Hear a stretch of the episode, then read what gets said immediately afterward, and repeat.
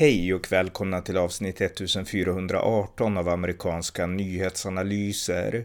En konservativ podcast med mig, Ronny Berggren, som kan stödjas på swishnummer 070-30 28 95 0. Islamiseringen av västra Europa är en verklighet. Här pratar jag om varför det behövs politiker med insikt och mod att motverka detta. Varmt välkomna! Ja, jag tänkte alltså prata lite om varför islamiseringen av Europa måste kontras och bemötas bestämt.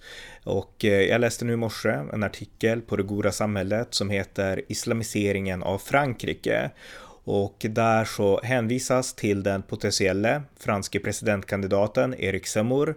Eh, det här är ju en person som har möjlighet och potential att utmana Marine Le Pen i kampen om den franska presidentposten. Och eftersom Frankrike har ett ganska komplicerat eh, valsystem som inte jag är någon expert på så finns det ändå en, en liten möjlighet att Erik Zemmour kan komma att bli Frankrikes nästa president. Men hur som helst, Erik Zemmour är en intellektuell och han är också islamkritiker och han menar då att eh, år 2050 så kan Frankrike komma att ha en hela 50-procentig islamisk befolkning. Och år 2100 menar han så skulle Frankrike kunna vara en islamisk republik. Och det här är siffror som jag inte har grävt in på så mycket. Men det sägs då, det står i den här artikeln att eh, i Frankrike så är Barn som föds till två utländska föräldrar, de har ökat med 43 procent, medan barn som är född av två franska föräldrar har minskat med 13,7 procent. Och det här har skett under en 20-årsperiod. Och det här har inneburit helt enkelt att balansen och demografin har förändrats. Frankrike blir mer islamiserat och mindre franskt. Och eh, i olika muslimska områden så har judar lämnat, flytt Eh, från de områdena, precis som till exempel i Malmö här i Sverige. Och eh, jag minns en video från flera år sedan som jag har nämnt i en tidigare podcast. Och det är en ung kvinna från Japan som reser till Frankrike och hon har en videovlogg där hon då filmar sig själv och kommenterar sin resa. Och eh, i Japan så finns det en stor romantisering av, av, av Europa, av liksom, ja, av Paris och, och sådana saker. Och det här är något, jag kollar en hel del på anime och där finns den här romantiseringen ganska ofta då, av Europa. Så att hon kommer till Europa och hon tror då att eh, det Frankrike hon kommer på besök till ska vara som du har sett i filmer från 60-talet, sådana här stiligt klädda män och Eiffeltornet och kaféer och liksom människor som sitter ute och röker och liksom det här typiskt franska. Eh, men de kommer till en, ja, en del av Frankrike, en, del av Paris, som helt består av afrikaner, av människor från Mellanöstern, araber, eh, de pratar inte engelska, de pratar inte franska och eh, hon blir helt förvirrad. Alltså, vad är det här? Jag trodde jag hade kommit till Frankrike. Och så filmar hon sig själv och går omkring där och säger Nani, Alltså, vad är det här? utbrister hon. Eh, vart har jag kommit? Vad är det här för land? Och eh, den videon säger ganska mycket tycker jag. Och jag vet inte om det finns kvar på YouTube fortfarande, men jag vet att jag har sett den för typ 7-8 år sedan eller någonting. Så att det säger en hel del. Och den här islamiseringen av Frankrike, i den här artikeln då som jag läste i Det goda samhället så sägs att till och med Emmanuel Macron, som ändå är en liberal politiker, även han anser, i det tysta hittills, eh, än så länge, eh, att det ändå pågår ett, ett folkutbyte i Frankrike. Så att det här är väldigt intressant. Och det finns en bok som skrevs för ganska många år sedan nu som heter Submission. Den skrevs 2015 av den eh, ja, franske författaren då Michael Hollebeck. Och eh, jag poddade om den boken i poddavsnitt 373 från den 21 april 2017. Den finns i poddarkivet då. Och där så pratar jag om den boken och en islamiseringen av Frankrike då, eh, som han varnar för. Och han skriver då fiction om hur Frankrike blir mer och mer muslimskt och hur judar flyr och eh, sådana saker. Och idag så är det det som sker. Det här är alltså en fiktionsbok som bara är sex år gammal, Submission. Men idag så är det det som sker i Frankrike. Frankrike islamiseras, judar tvingas lämna. Och det finns ju likheter även här i Sverige. Det gjordes en studie av Pew Research Center för eh, några år sedan som då visade att eh, år 2050 så skulle hela 30 procent av den svenska befolkningen kunna vara muslimsk. Och eh, Eh, Eh, ja, man, kan bryta ner den här statistiken i andra delar av västra Europa och se att islamiseringen pågår där också. Så att det inte bara är Frankrike och Sverige, utan det sker i hela västra Europa i olika takt då såklart. Eh, Tyskland är ett annat land, Holland och eh, Belgien och så vidare. Östra Europa har klarat sig lite bättre därför att de har inte öppnat upp för islamisk massinvandring. Och eh, det gäller alla länder i, i östra Europa, inte bara Polen och Ungern då som vi pratar så mycket om, utan även Tjeckien och eh, ja, eh, Estland, Lettland, Litauen. så man öppnar inte upp för muslimsk massinvandring.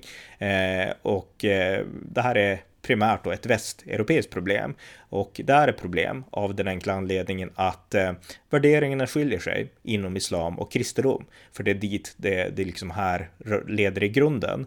I Europa idag så är vi väldigt sekulariserade. Eh, många har inte en gudstro eller så har man en postmodern gudstro där man tror på liksom, ja, man kan tro på buddhism eller man kan tro på återvandring eller man kan tro på ja, återvandring, själavandring. Och man kan tro på, alltså Eh, konstiga saker, new age och liksom asagudar och allt möjligt. Eh, eller så är man ateist helt enkelt och somliga är fortfarande kristna. Eh, men oavsett vad man tror om Gud och det transcendenta och det metafysiska så har vi i Europa ändå kristna värderingar. De värderingarna har man oavsett om man är troende eller inte troende. Vi har en kristen eh, kvinnosyn till exempel. Den kristna synen är att män och kvinnor är värda lika mycket. Eh, och eh, den här äh, utgår från den kristna teologin. Paulus skrev att nu är ingen längre jud eller grek, man eller kvinna, utan alla är ni ett i Kristus. Det skrevs för eh, 2000 år sedan i Bibeln och det här har legat till grund för den kristna kvinnosynen. Och när antiken kristnades för 2000 år sedan, då var just kvinnosynen en av orsakerna till att så många kvinnor blev kristna. Därför att i den kristna världen så blev de behandlade med en helt annan form av respekt än de vart i romarriket på den tiden.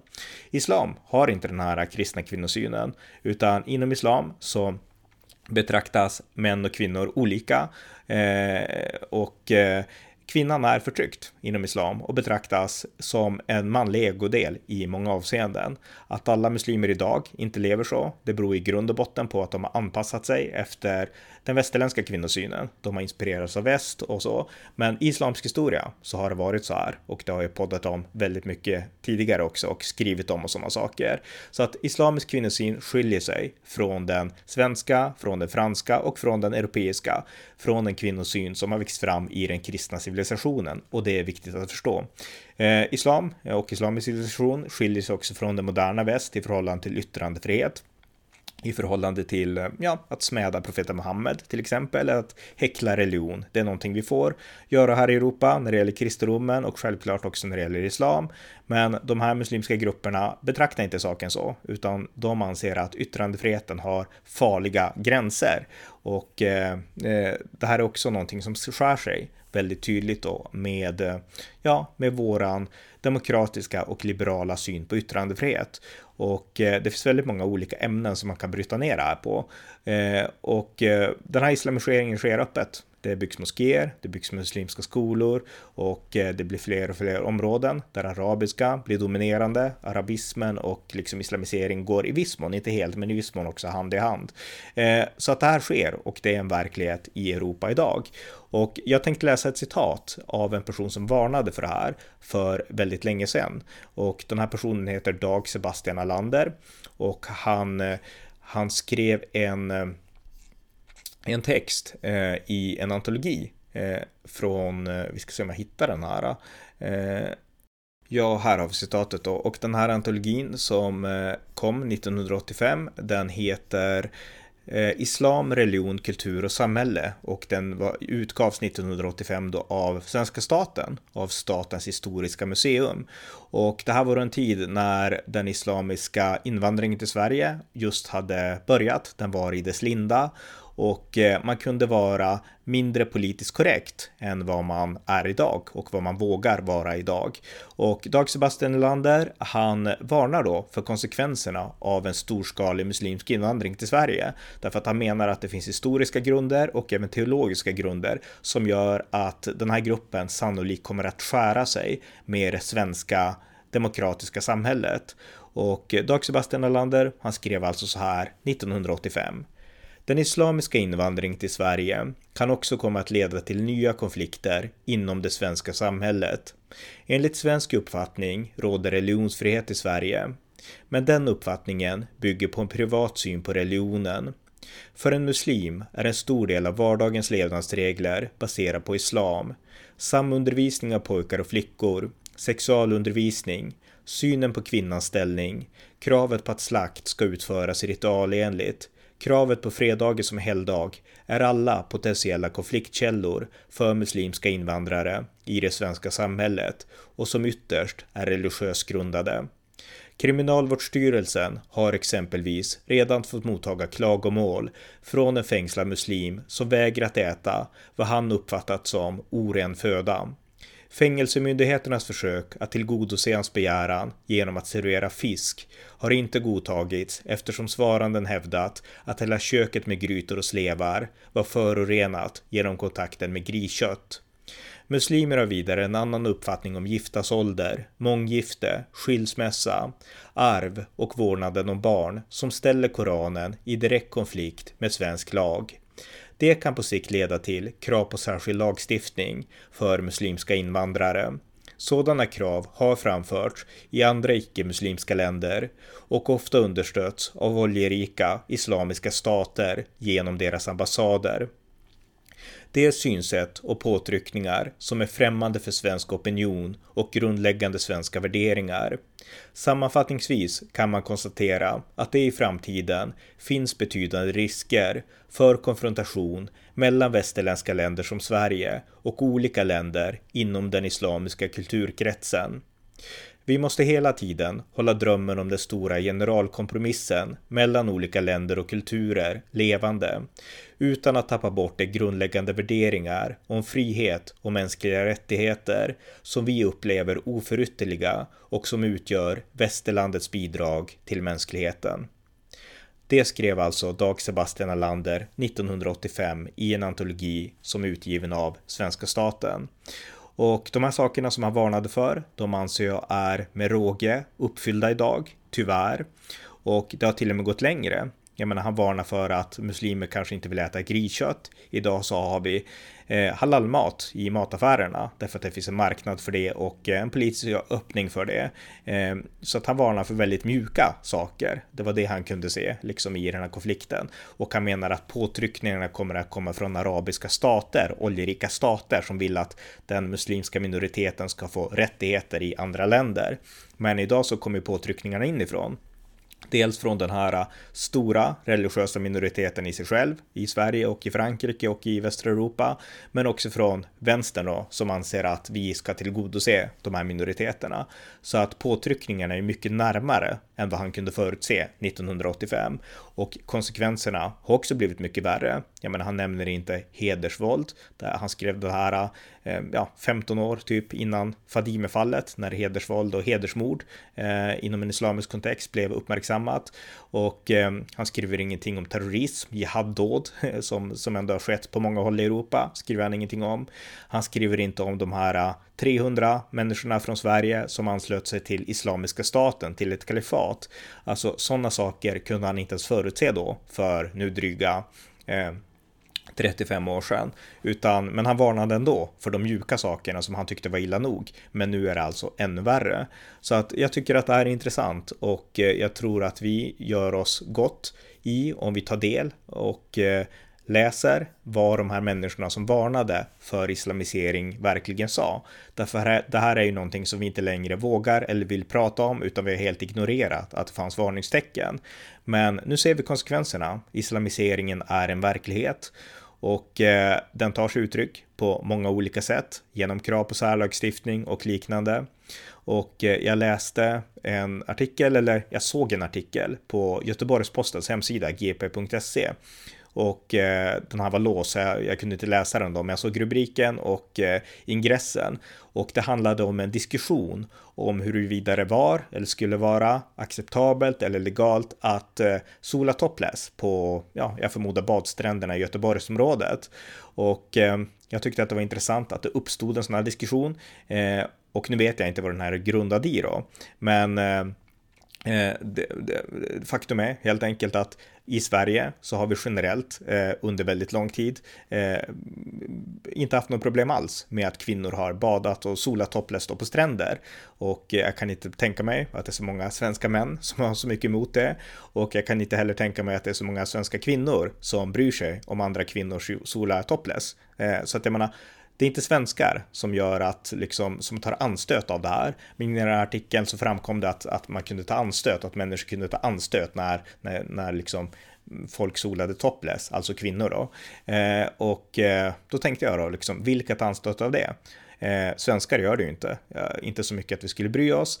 Eh, men däremot har vi en grupp, en stor minoritet invandrare med islamisk bakgrund som inte anser att det är rätt utan som tar anstöt och det gäller förmodligen både muslimska män och kvinnor. Och eh, då tycker jag att det är intressant då därför att när man åker till offentliga badstränder i hela Sverige nästan nu så kan man nästan överallt se de här kvinnorna, muslimska kvinnorna som är klädda i helsvart, nästan liksom svarta Eh, ja, klänningar tänkte jag säga, men det är inte det heller. De har de svarta liksom skynkena och de går ner i badvattnet och badar fötterna och liksom de är helt klädda i svart och liksom det här är ingen baddräkt, inte så burka utan de går klädda i liksom sin ja, i sin stora, sitt stora islamiska skynke ungefär, så går de ner och badar. Och eh, man kan tycka som svensk att det här är besynnerligt, så här gör vi inte i Sverige. Eh, men samtidigt så pressas det på åt andra hållet, alltså att det vi har gjort i Sverige i alla tider, nämligen att Sverige eh, i, ja, i modern tid, sen, sen kvinnofrigörelsen, så har kvinnor kunnat bada att eh, ja, topless eller sola topless då, om de vill på stränderna. Det är någonting som du ska börja misstänkliggöra och kanske tycka att det här är inte bra för folk kan ta anstöt. Och det här är i mitt tycke ett tecken på islamiseringen. När vi anpassar oss mer efter den här äh, växande minoritetsgruppen än de anpassar sig efter oss. Därför att de tar ju inte sedan dit de kommer. Här i Sverige så har vi baddräkt eller så, solfri topless, utan de ska vara klädda i sina skynken för att annars så ska de inte bada tydligen då. Och just det här med att man får vara klädd hur man vill när man badar, självklart. Så att vill de vara klädda så, jag har inget emot det egentligen. Ehm, eh, det ska i alla fall inte vara förbjudet. Eh, men det ska också gälla åt andra hållet. Vill man sola topless så ska man få göra det. Och eh, ingen ska gå och störa sig då på att svenskar som gör det, som de alltid har gjort, liksom, eh, man kan inte ta anstöt av det om man vill bo här i Sverige. Eh, så att det här är ett tecken anser jag då på islamiseringen.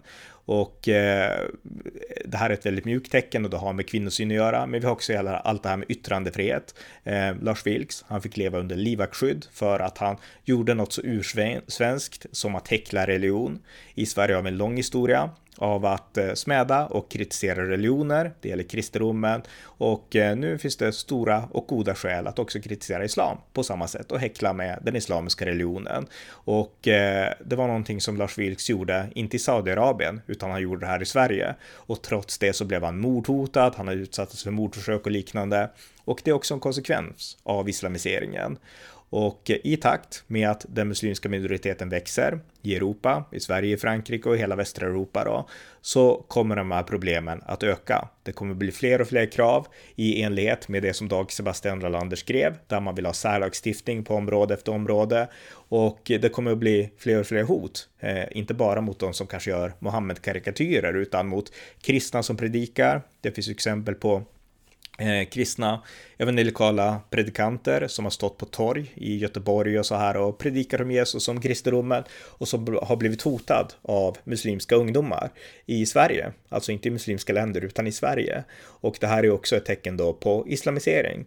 Och eh, om vi låter det här fortsätta så kommer det liberala Europa med grundläggande kristna värderingar att eh, uttunnas och till slut så Eh, ja, sköljas bort egentligen på grund av islamiseringen. Och det är inte bra, utan vi måste se till att vi efterlämnar oss ett eh, Europa byggt på kristen civilisation, på liberal demokrati, även till nästa generation. Och enda sättet att göra det, det är att få politiker som är beslutna att mota tillbaka islamiseringen.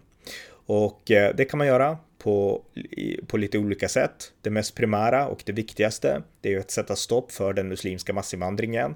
Vi kan inte ta emot fler eh, muslimer på storskalig nivå i Europa, i västra Europa då, av den enkla anledningen att vi lyckas inte integrera de som ens är här. Integrera och assimilera, båda deras måste göras. Eh, och det lyckas vi inte med och eh, av det skälet så kan vi inte ta emot fler. För att gör vi det så kommer islamiseringen att gå ännu snabbare. Så att det är steg nummer ett, att sätta stopp för massinvandringen till västra Europa. Och nästa steg är att mota den islamisering som pågår eh, genom att eh, säga nej till moskébyggen eh, för att det är en del av islamisering. Och givetvis säga nej till skattefinansierade eh, islamiska skolor som väldigt ofta är i praktiken västerländska madrasaskolor där man visserligen har utbildning i olika ämnen men där huvudfokus ligger på att ungdomar lär sig Koranen och att de ja, eh, separerar kön helt enkelt, alltså gör något väldigt osvenskt. De, de lär sig på de här skolorna som ofta är skattefinansierade därför att vi vill vara toleranta. Men på de här skolorna så lär de sig att eh, västerländska värderingar är dåliga, islamiska värderingar och islamisk kvinnosyn är bra. Det lär de sig och sen blir ju de här ungdomarna en del av islamiseringsprocessen själva. Så att det är inte bra och det är någonting som, som måste motverkas. Och vi har ju haft i Europa den här synen på islam, att islam är en, ja, ingen problematisk religion och eh, att det inte är några större skillnader mellan islam och till exempel kristendomen i Europa eller någon slags frikyrklig sekt eller liknande. Men så är inte fallet, utan en stor del av eh, den islamiska världen har andra värderingar än vi har och det gäller även den växande islamiska minoriteten i Europa. Och eh, det behövs, pratar man ofta om, en reformering av islam. Eh, därför att man har insett att de här problemen finns. Det behövs en reformering av islam för att eh, islam ska bli helt kompatibelt med västerländsk liberal demokrati och syn på jämlikhet och liknande. Och det är förmodligen sant. Men den här reformationen har inte skett ännu. Och jag är av åsikten att den reformationen ska ske i den islamiska världen. Vi ska inte ta in en mängd muslimer, miljontals muslimer till Europa som inte är reformerade, utan de ska först reformera sin teologi och sin syn på kvinnor, sin syn på demokrati, sin syn på yttrandefrihet och andra saker. Och även sin syn på djur eh, på ett sätt som överensstämmer med oss i väst innan de kan komma hit. Vi kan liksom inte göra tvärtom att ta hit dem först därför att då skulle det bli kaos här och det är precis kaos det har blivit på grund av att vi har tillåtit den här islamiseringen.